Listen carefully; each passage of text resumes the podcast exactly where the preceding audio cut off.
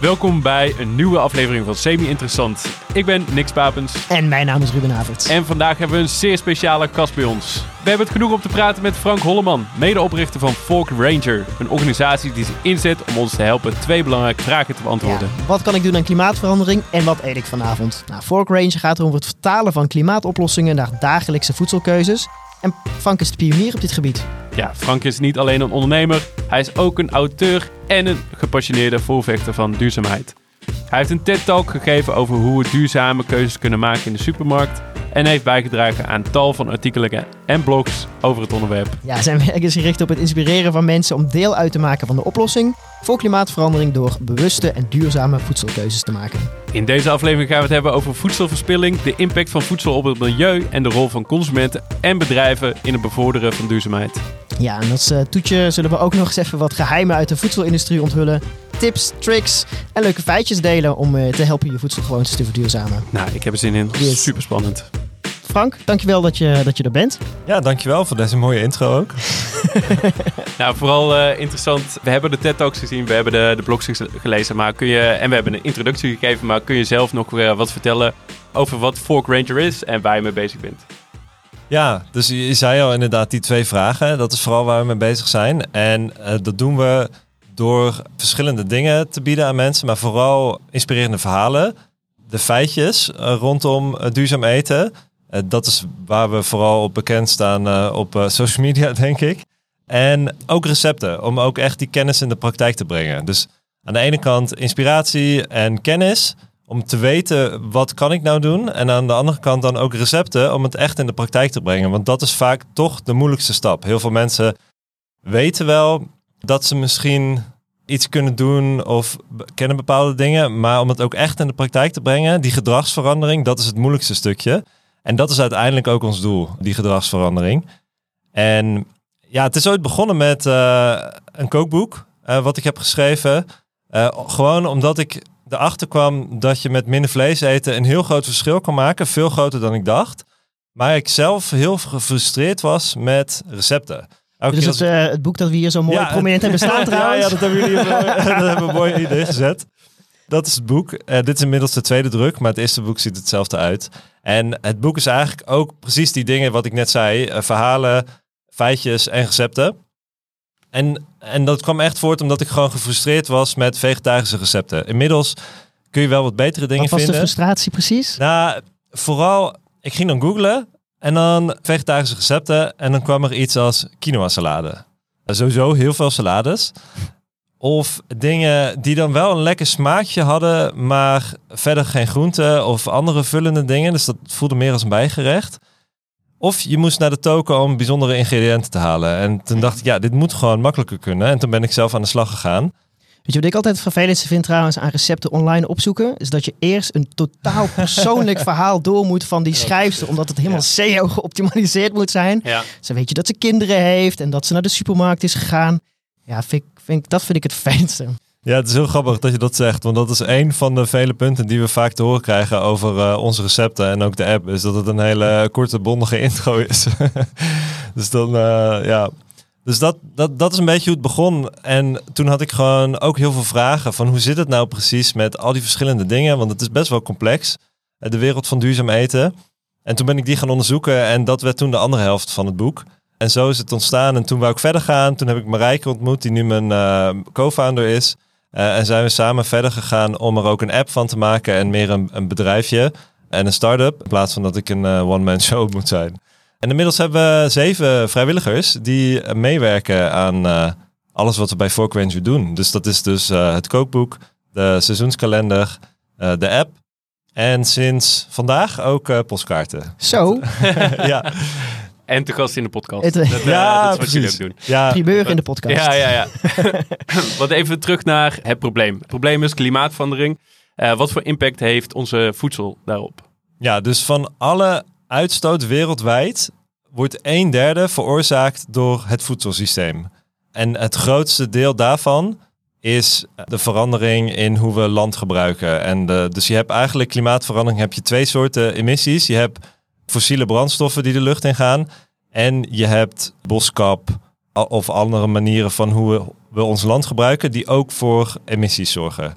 En voedselsysteem gaat dus eigenlijk vooral over eh, dat tweede, maar ook eh, een klein beetje natuurlijk ook eh, fossiele brandstoffen. Ja. Want wat zijn dan een beetje de, de misvattingen die mensen hebben over het, het duurzaam eten? Ja, ik denk de grootste is toch wel dat lokaal eten heel belangrijk is. En daarmee begin ik ook meteen over het meest ingewikkelde onderwerp. Want eigenlijk moet je het verschil zo zien. Een lokaal voedselsysteem, dat is heel duurzaam. En dat is ook belangrijk dat we daar naartoe gaan. Maar als consument, als je in de supermarkt staat, dan maakt het eigenlijk bijna geen verschil of het lokaal is of niet.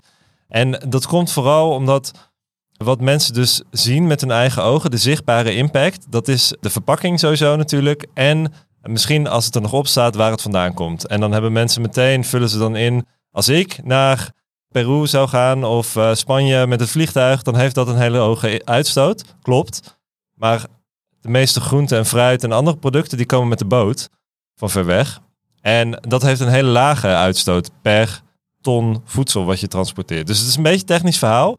Maar dus eigenlijk de grootste misopvatting is dat de onzichtbare impact, die is het grootst. Dus wat we niet zien, namelijk hoe iets groeit, hoeveel land het nodig heeft, hoeveel water het nodig heeft om te groeien, dat zorgt voor de grootste impact.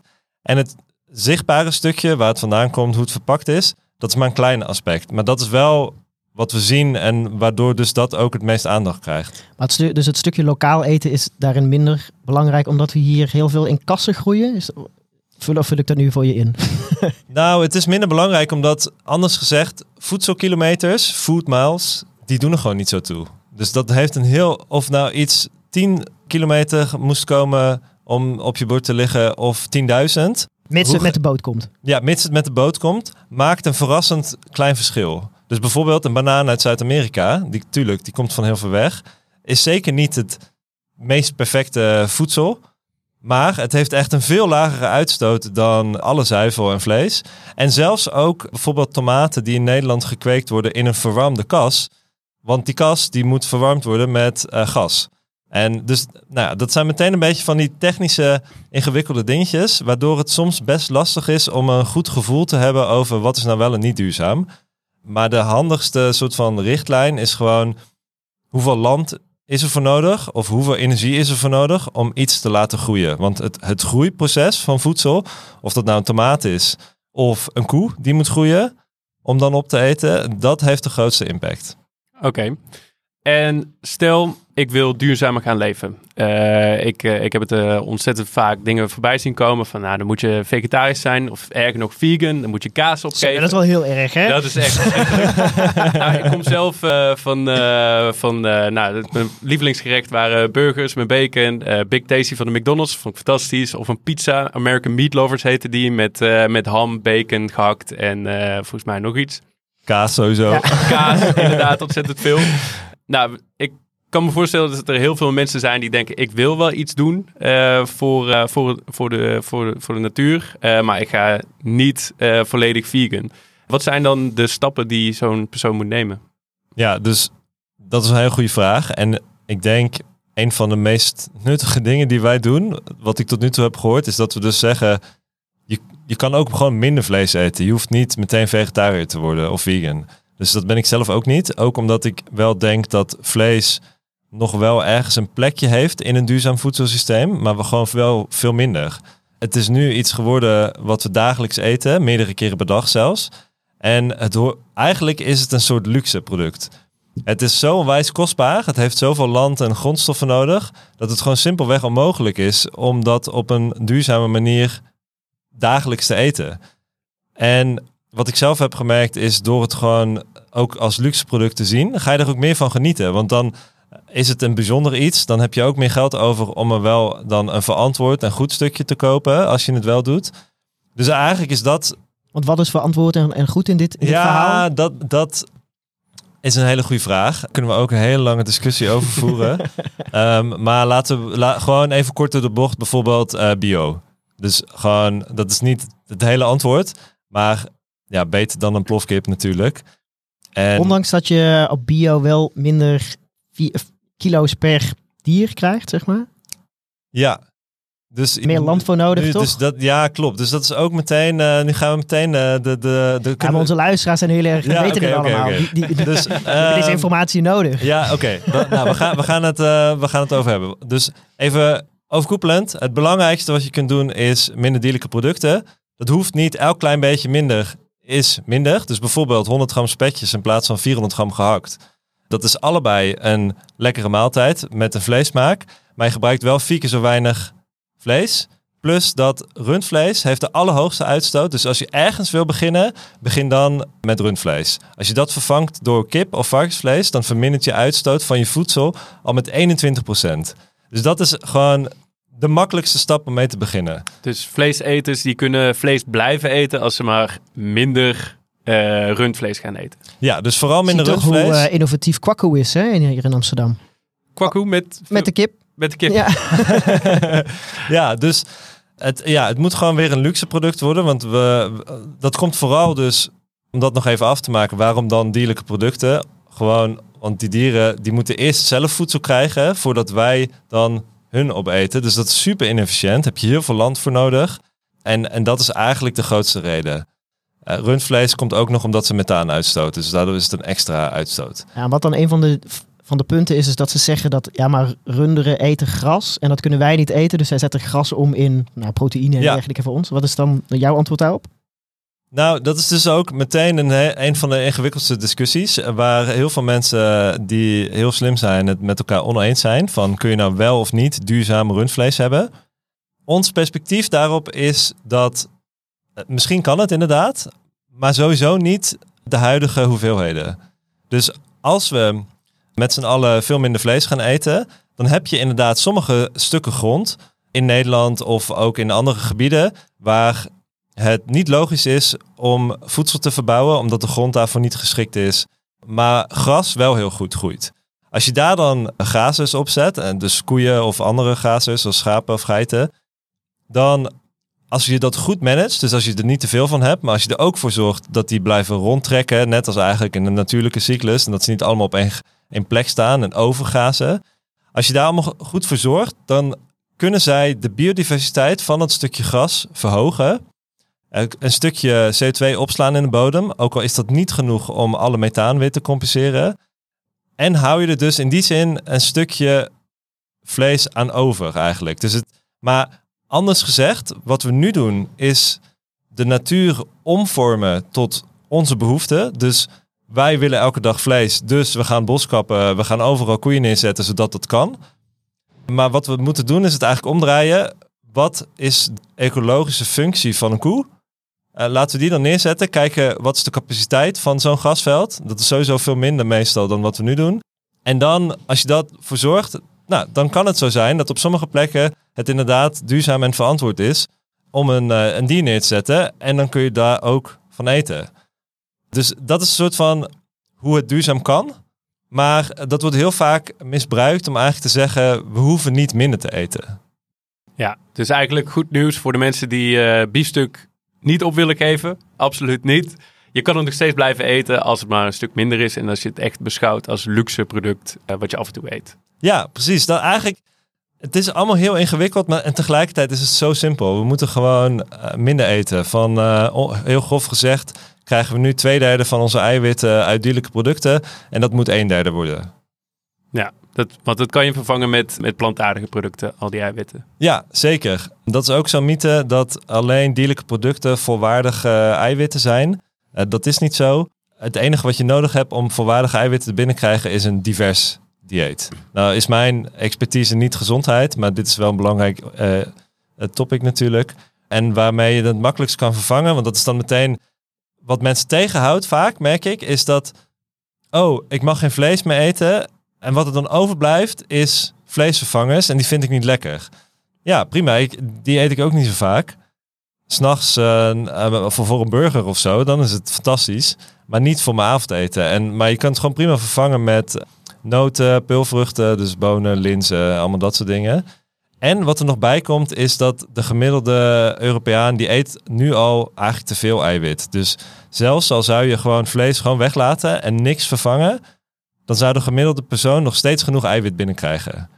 Eh, maar Komt dat door dan omdat we heel erg into die eiwitrijke dieets zijn Ja, gerold? gewoon omdat we, omdat we gewoon ten eerste te, sowieso te veel eten al gemiddeld. En in zuivel zit ook heel veel eiwit. Dus de gemiddelde Europeaan die krijgt op dit moment meer eiwit binnen via zuivel dan via vlees.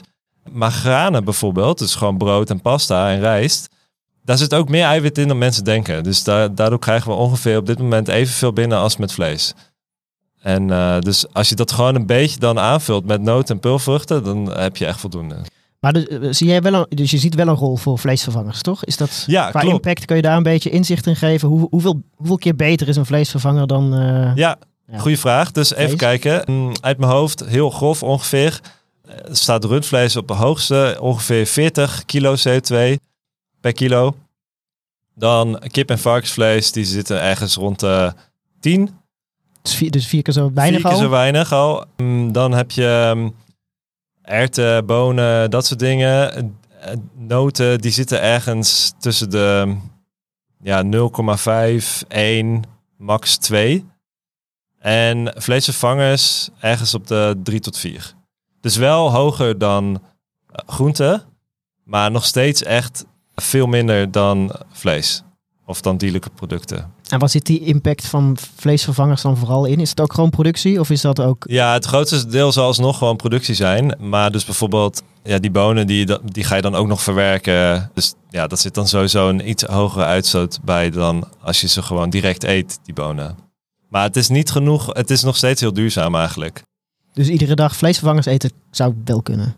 Ja, wat dat, Qua impact. Qua impact zeker. Dat is eh, qua smaak en, en gezondheid, dat moet iedereen zelf invullen. Dat weet ik ook niet precies. Ze zeggen wel dat, er was een studie die ze ook zei, dat ze ook gezonder zijn dan vlees. Want je moet ook bedenken dat het met 90% van het vlees wat, wat je kan vinden, dat is ook industrieel bewerkt, super ongezonde dieren. Dus dat is ook niet gezond. En dan zijn vleesvervangers nog een stukje beter, want het is wel plantaardig. Ja, het vervelendste eh, toen ik vroeger... Ik maak thuis nu zelf eigenlijk niet meer. Maar vroeger als je dan een kip, kippetje in een pannetje deed... dat het eh, eigenlijk het koken was. Omdat er zoveel water in Ja. zat dat aan het verdampen was. Dat je zag dat ze helemaal volgespoten waren met nou, alles om het gewicht maar op te drijven. Zodat jij een hogere kiloprijs betaalde. Eh, dus mensen denken altijd dat vlees alleen vlees is. Maar er zitten natuurlijk veel meer ja, stoffen in die je eigenlijk niet... ehm, Antibiotica. antibiotica bijvoorbeeld, ja. Ja, dus gewoon, gewoon vlees van de bio-industrie. Dus gewoon massaproductie. Ja, dat is gewoon echt, dat is gewoon niet gezond. Het is niet, nie- voor niemand goed. Voor de wereld niet, voor die dieren niet, voor jezelf niet. En dat betekent niet meteen dat al het vlees slecht is. Tuurlijk heeft het ook gezondheidsvoordelen. Vooral dus, vooral vaak voor vrouwen eh, hoor je wel eens dat rood vlees wel af en toe belangrijk kan zijn voor dingen als ijzer en dat, en dat soort dingen. Maar dat is ook nog steeds, dat gaat dan om één keer per week. Of misschien zelfs één keer in de twee weken. eh, dat, dat het nut heeft bijvoorbeeld. En niet elke dag. Oké, dus stap 1 is een minder vlees eten. Wat, eh, wat zijn de volgende stappen die je kan nemen als je eh, duurzamer wilt gaan leven? Ja, dus bij Forkventure hebben we een soort van eh, levels gemaakt. Van, eh, net als in een videogame. Eh, Hoe begin je er dan aan? Dan zeggen we level 1 is rundvlees vervangen. Level 2 is voedselverspilling tegengaan. Eh, dat is het andere grote topic. Want een derde van al het voedsel wat we nu produceren, wat dus voor zoveel uitstoot zorgt, dat gooien we weg. Of dat, dat belandt niet op iemands bord of wordt niet opgegeten. En dat is natuurlijk een enorm probleem. Eh, Want we produceren nu al genoeg voedsel voor 10 miljard mensen. Maar 1 miljard mensen die heeft overgewicht. Een andere miljard mensen die eh, krijgt weinig eten. En dan gooien we ook nog een derde weg. Dus dat is gewoon bizar. En dat probleem zit hem in de hele voedselketen. Maar voor een heel groot deel, vooral in westerse landen, zit het ook gewoon bij ons thuis. Omdat we gewoon, ja, we hebben het gewoon, we zijn gewoon te rijk, denk ik. Of rijk genoeg om te kunnen zeggen, ja, weet je, dit stukje oud brood heb ik geen zin in. Het is te hard. Ik ga wel een nieuwe kopen. Ja, daarvoor is eigenlijk voedsel te waardevol. Dat is, zo ben ik ernaar gaan kijken. Het is zo waardevol dat, dat we kunnen ons dat gewoon niet permitteren om er zo mee om te gaan. Want kun je, kun je dat een beetje inzichtelijk maken? Wat is de impact als je je brood weggooit? Ja, dus ik heb een keer nagerekend van hoeveel bespaar je nou als je één sneetje brood eet in plaats van het weg te gooien. En daarmee bespaar je 10 liter water. Dus dat is net zoveel als eh één eh, grote keer de wc doortrekken. en land ter oppervlakte van een A4'tje. Met één sneetje. Ja, één sneetje. Dat is, ik, ik kon het eigenlijk niet geloven toen ik daarop uitkwam. En toen een paar mensen gevraagd. En natuurlijk blijft een beetje back on die envelope eh, berekening. Maar dat is wel eh, waar je met de cijfers op uitkomt. Dus dat, ja, dat beseffen mensen ook niet. Dat was voor mij ook een van de meest shocking dingen toen ik ermee begon. Is hoeveel land we gebruiken voor ons voedsel. Dus we denken heel vaak, oh steden, we, we hebben de hele wereld omgevormd tot steden. Dat is echt maar een he- steden, alle infrastructuur van mensen, dat is echt maar een heel klein stukje van de wereld. En echt, nou ja, ik weet het niet uit mijn hoofd, maar tien keer zoveel minstens wel is de land, eh, het land wat we gebruiken voor voedsel. Ja. Dus het is vet zonde als we dat dan gebruiken daarvoor en het dan weggooien. Dus als iedereen in Nederland een extra sneetje zou eh, eten, dan hebben we 16, 17 miljoen A4'tjes aan land gered. Ja, eigenlijk wel. In de praktijk zal het, zal het iets ingewikkelder liggen Ja. dan dat. Maar, maar dat zijn wel, da- daarmee maak je echt een, echt een groot verschil. Eet jij je sneetjes op? Eh, ja, want ik heb een airfryer. Daar eh, Ah. raak ik niet over uitgepraat. Airfryers zijn fantastisch. eh want je kan eh sneetjes dus eh, makkelijk croutons van maken. Of eh, nou, hard brood. Dat kan. Ja. Voor soep bijvoorbeeld. Dus eh, ja, ik, eh, ik eh, eet mijn eh, extra sneetjes op. En ik haal mijn eh, brood bij eh B-brood. Wat eh, oud brood waar je dat voor eh 50% korting kan, kan halen. Bij Too Good To Go? Of gewoon... Nee, B-brood. de B-brood. Oh, oké. Dat- zij hebben dat zo standaard. Ja, Oh, precies. Voor 5% korting kun je brood van gisteren kun je dan opnieuw of kun je dan kopen. Dus ik ben super sustainable bezig, joh. Dus eh, Had ook niet anders verwacht. ja, ja, precies, precies. Die, die airfryer vind ik wel mooi. Die had ik nog niet gehoord. Die, dat, inderdaad, eh, je kan er allemaal dingen mee doen. Maar die airfryer, dat is wel goed. Die moeten we wel toevoegen aan de lijst. Aan de met tips. lijst, ja. ja. Ja. Airfryer kan sowieso, kan sowieso niet iedere lijst.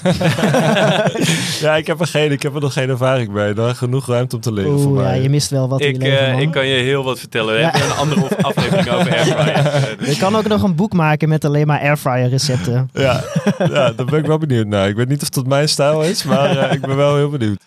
Alright, dus voedselverspilling, dat is nummer twee qua impact. Dus platformen zoals Too Good To Go, daar eh, heb je alleen maar eh, lof voor. Of Ja. zitten er ook haken en ogen aan? Nee, niet, ja. Nee, eigenlijk niet. niet. Niet als het gaat om impact. We hebben alles, alles nodig, wat, alle oplossingen nodig om voedselverspilling tegen te gaan. En dit is zeker één goede optie. Ja, want het gedeelte is dus bij ons thuis. We moeten dat extra sneetje moeten we opeten. Ander gedeelte is dus retailers, eh, restaurants, die hun overgebleven voedsel ook eh, een extra leven, zogezegd, moeten geven. Dus eh, door moeten verkopen op platforms zoals Too Good To Go. Zijn er andere dingen die restaurants dan kunnen doen of, om die verspilling te verminderen? Ja, dus eh, bij de, bij de consumptiekant, dus ook bij restaurants, zit een hele grote kans om voedsel, voedselverspilling tegen te gaan. Eén ding denk ik is gewoon portiegroottes. Tuurlijk is het vervelend als mensen te weinig eten krijgen. Maar waar ik, wat ik graag zou willen zien, want ik heb wel heel veel trek als ik ergens ga eten. En dan krijg ik vaak één sneetje brood, eh, nu eh, van die Amsterdamse lunchtentjes. Dat is dan wel weer een beetje karig. Maar op zich is het wel goed dat je gewoon bijvoorbeeld begint met een kleine portie. En dat je dan iets aanbiedt dat je het nog kan aanvullen of zo. Dat, of dat je een extra iets krijgt of gratis brood bij kan eh, bestellen of, zoiets. Gewoon dat, je, dat, dat het in etappes gaat in plaats van dat je meteen eh, te veel bestelt. En het andere grote ding, dat is dan vooral voor retailers, is de houdbaarheidsdatum. Dus heel veel mensen, er zijn twee soorten houdbaarheidsdatum. De, je hebt tenminste houdbaar tot en je hebt te gebruiken tot, volgens mij. Ik weet niet precies meer of dat die woorden zijn. Maar bij Staat in de show notes, eh, mensen. Ja, ja, bij vlees en zuivel heb je heel vaak die tweede. Dus dan moet je echt eh, erop letten. Want dan, nou, er kunnen bacteriën bij komen enzovoort. En dan moet je er wel echt eh, goed op letten. Maar bij die andere, tenminste houdbaar tot, dat is gewoon... Ze moeten er iets op zetten, dus dan doen ze dat maar. Maar heel vaak is het gewoon onzin. Nou, het staat ook op zout. Ja op water bijvoorbeeld. Ja. Ja, dat staat er gewoon op omdat het moet. Maar daar, die, die moeten we eigenlijk gewoon, eh, daar moeten we gewoon- vanaf. Gewoon negeren, je eigen neus eh, gebruiken. Die is veel beter dan zo'n houdbaarheidsdatum. Ja. Ja, want het is eigenlijk bizar dat eh, zout wat je uit de grond haalt, wat eh, Miljoenen jaren. oud is, dat je dat iets te lang in je kastje hebt Ja. staan en dat, ze, dat je denkt, oh, nou, dan, dan maar niet. Dan, eh, nee, precies. weg. Ik heb echt al... ik heb ook er mensen zijn die zout inderdaad echt weggooien omdat ze denken dat het over datum is? Dat Vraag ik me echt wel af. Ja, dat weet ik niet. Dat zou wel een interessante vraag zijn. Maar eh, je kan meer dingen eten dan je denkt. Ik heb ook wel eens een pakje boter ergens in de koelkast gevonden. Wat een eh, echt al dik overdaad Hij liep nog niet weg. En, eh, nee, dat je hem zo probeerde te pakken en dat hij weg... nee. nee, je zag er een beetje donkergeel uit en dan een beetje vanaf geschaapt. En toen was het gewoon nog boter. Dus ja, Als je het hebt over voedselverspilling thuis, wat zijn een beetje de, ehm, de meest voorkomende producten die mensen weggooien? Of ja, verspillen? Ja, dus eh, in Nederland is, het, eh, is brood een heel groot deel. Daarnaast groente en fruit. Die is een beetje lastig, want qua gewicht verspillen we vooral groente en fruit. Maar dat komt natuurlijk omdat er heel veel water in zit. Dus qua, je kan eigenlijk denk ik beter kijken naar impact van verspild eten. En dan is melk een hele grote. En koffie trouwens ook. Dus ook het drinken heeft natuurlijk een impact. En melk, ja, dat, dat gaat natuurlijk wel snel over datum. En dan koop je snel zo'n literpak en dan maak je er eh, iets mee en dan blijft het in de koelkast staan. Dus die, dat is een groot ding. Koffie, te veel koffie zetten, dat is ook echt super zonde om weg te gooien. Dus dat al gemaakte koffie weg wordt ge- ge- Ja. gegooid. Ja, dus eigenlijk gewoon dat je de, dat je de, de koffiebonen die nodig waren om een kopje koffie te zetten, dat je die eigenlijk verspilt. Hmm. Op welke manier dan ook. Dat is ook een verrassend groot iets. Heb jij in het boek ook verspillingsrecepten of zo staan? Ik weet niet, Nee, ijskoffies ja. of zo, dat je met koude koffie kan maken? Oh, dat wel, zou nog wel leuk zijn. Nee, we hebben niet echt veel... eh, ja, zal ik je naam erbij zetten ja, straks? graag. We hebben niet zoveel verspillingsrecepten, omdat het voor elke keer weer anders is. Dus soms zetten we er wel bij, bijvoorbeeld dat je de stam van de broccoli ook kan koken. Of eh, dat je overgebleven rijst, dat, dat is perfect voor nasi. Weet je, dat soort tips. Maar we hebben niet specifiek recepten voor verspilling. Maar dat, ook omdat het een beetje lastig is. Je kan gewoon van alles ermee. Dus je hebt niet per se een recept nodig. Ja. Ik heb ChatGPT gebruikt. Ja? Ja, eh, gevraagd. eh, ik heb, wat had ik allemaal in mijn koelkast? Dat is een hele rare combinatie, vond ik zelf. Rode bietjes, tempeh en snijbonen. Heb ik gevraagd wat ik daarmee kon doen, maar dat wist ik niet. Toen heeft hij me een eh, salade aanbevolen. Was het eh, die keer dat eh, je dankzij ChatGPT je arm had verbrand? Ja, ja dus ik daarna... ja, ik moet even toelichten geven. Mijn pan die loopt een beetje in, zeg maar. Dus de olie centreert zich en ik moest de Oh. tempeh een beetje fryen. Eh, dus ik, ik gooide die tempeh erin, want ik was natuurlijk aan het kijken op, eh, op eh, ChatGPT. Toen spatte, spette, zeg maar, de, nou, ik heb hier nog een hele mooie... Oh, ja. het, het- ik vind het een beetje op Afrika lijken. Dus ik ben, uiteindelijk is het wel deel van mij geworden, de motherland. maar ehm, eh, ja, nee, dus dat was wel een lekkere salade uiteindelijk, die ik ermee Ja, mee heb gekregen. Nice. Met of zonder brandwond. eh dat Ja, het, het was het wel waard. Eh, ik vind de verspillingen ook wel een goed onderwerp. Want ik kan me goed voorstellen dat als je denkt... ik moet duurzamer gaan, e- duurzamer gaan eten. Fairtrade is een onderdeel van. Organic, eh, bio, logisch eh, is er ook een onderdeel van. Dat is allemaal duur. Ga ik niet doen. Maar verspilling laat dus ook weer zien... dat je veel meer eruit kan halen... uit wat je dus al hebt gekocht. Ja, absoluut. We moeten echt onze innerlijke krenterige Nederlander omarmen als het hier om gaat. Eh, want er is echt per persoon, per jaar gooien we 140 euro aan eten weg. Dus, dat, dus je kan 140 euro besparen als je gewoon niks weggooit. Kan je in een ETF eh, zetten die dividend uitkeert. En dat had zomaar een jaartje eerder eh, pe- gepensioneerd kunnen zijn. Ja, Of, of één keer een broodje halen bij Markt met een Q. Ja. Ja, we proberen altijd de verschillende onderwerpen van de podcast eh, te verbinden. En één onderwerp is eh, financiële onafhankelijkheid. Dus dit eh, past er eh, precies in. ja, leuk. Dat vind ik ook een interessant onderwerp. eh, maar eh, dit past er heel goed in. Ja, Ja, wel- zo, dus we waren gebleven bij koffie. Heb je, we hebben een top 5, dus we hebben brood, melk, koffie, Ja, eh, groenten. Nou ja, vlees dus, qua impact. Elk klein beetje vlees wat je weggooit heeft een grote eh, uitstoot. Maar goed, dat gebeurt niet zo vaak.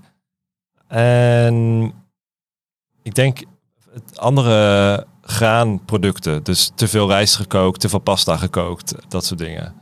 Nou, raad jij het? eh, ik heb dat zo'n maatbekertje van het voedingscentrum Oh ja, gekregen. ja die is echt top. Ja. Dat hebben ze echt slim gedaan. Ik, die, ik, ik had hem en nu niet meer. Maar ik kookte elke En keer geen te veel- airfryer.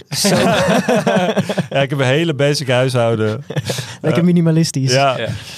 Nee, maar dat, ehm, die is echt top. Want ik kook met mijn huisgenoot, die maakte echt... Van hem was dus die, eh, dat maatbekertje. Ah. En ik eh, heb hem zelf nog niet gekocht, maar moet ik eigenlijk wel gaan doen. Want hij lachte me altijd uit. Hij kwam de keuken binnen en dan zag hij weer die pot rijst staan. En dan ging hij weer lachen, want het was gewoon elke keer te veel.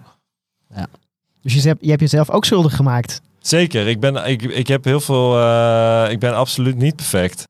Er zijn genoeg dingen die, die ik ook niet goed doe. En voedsel verspillen is, ja, op, om het tot nul terug te brengen is echt super moeilijk. Maar Hm. elk, elk beetje helpt. Alright. Dus nu zijn we bij level 2 eh, gestrand. Dat was eh, voedselverspilling. Wat is level 3? Waar moeten we naartoe? Nou, ik ben even aan het kijken naar de tijd. Volgens mij zijn we al, als we level 3 gaan beginnen, kunnen we misschien beter de volgende aflevering gaan doen. Cliffhanger. Cliffhanger. Ja. Cliffhanger. Nou, ontzettend bedankt voor het luisteren in ieder geval. Eh, we gaan dus nog verder met aflevering 2, waar je meer hoort over wat de impact heeft van voedsel en voedselverspilling en wat jij kan doen om jouw eh, CO2-impact te beperken. En alle bronnen die we hebben gebruikt en het boek en de kalender zullen we in de show notes zetten. Die kun je vinden op www.semi-interessant.nl slash show notes. Tot de volgende keer. Tot de volgende keer. Ciao, ciao.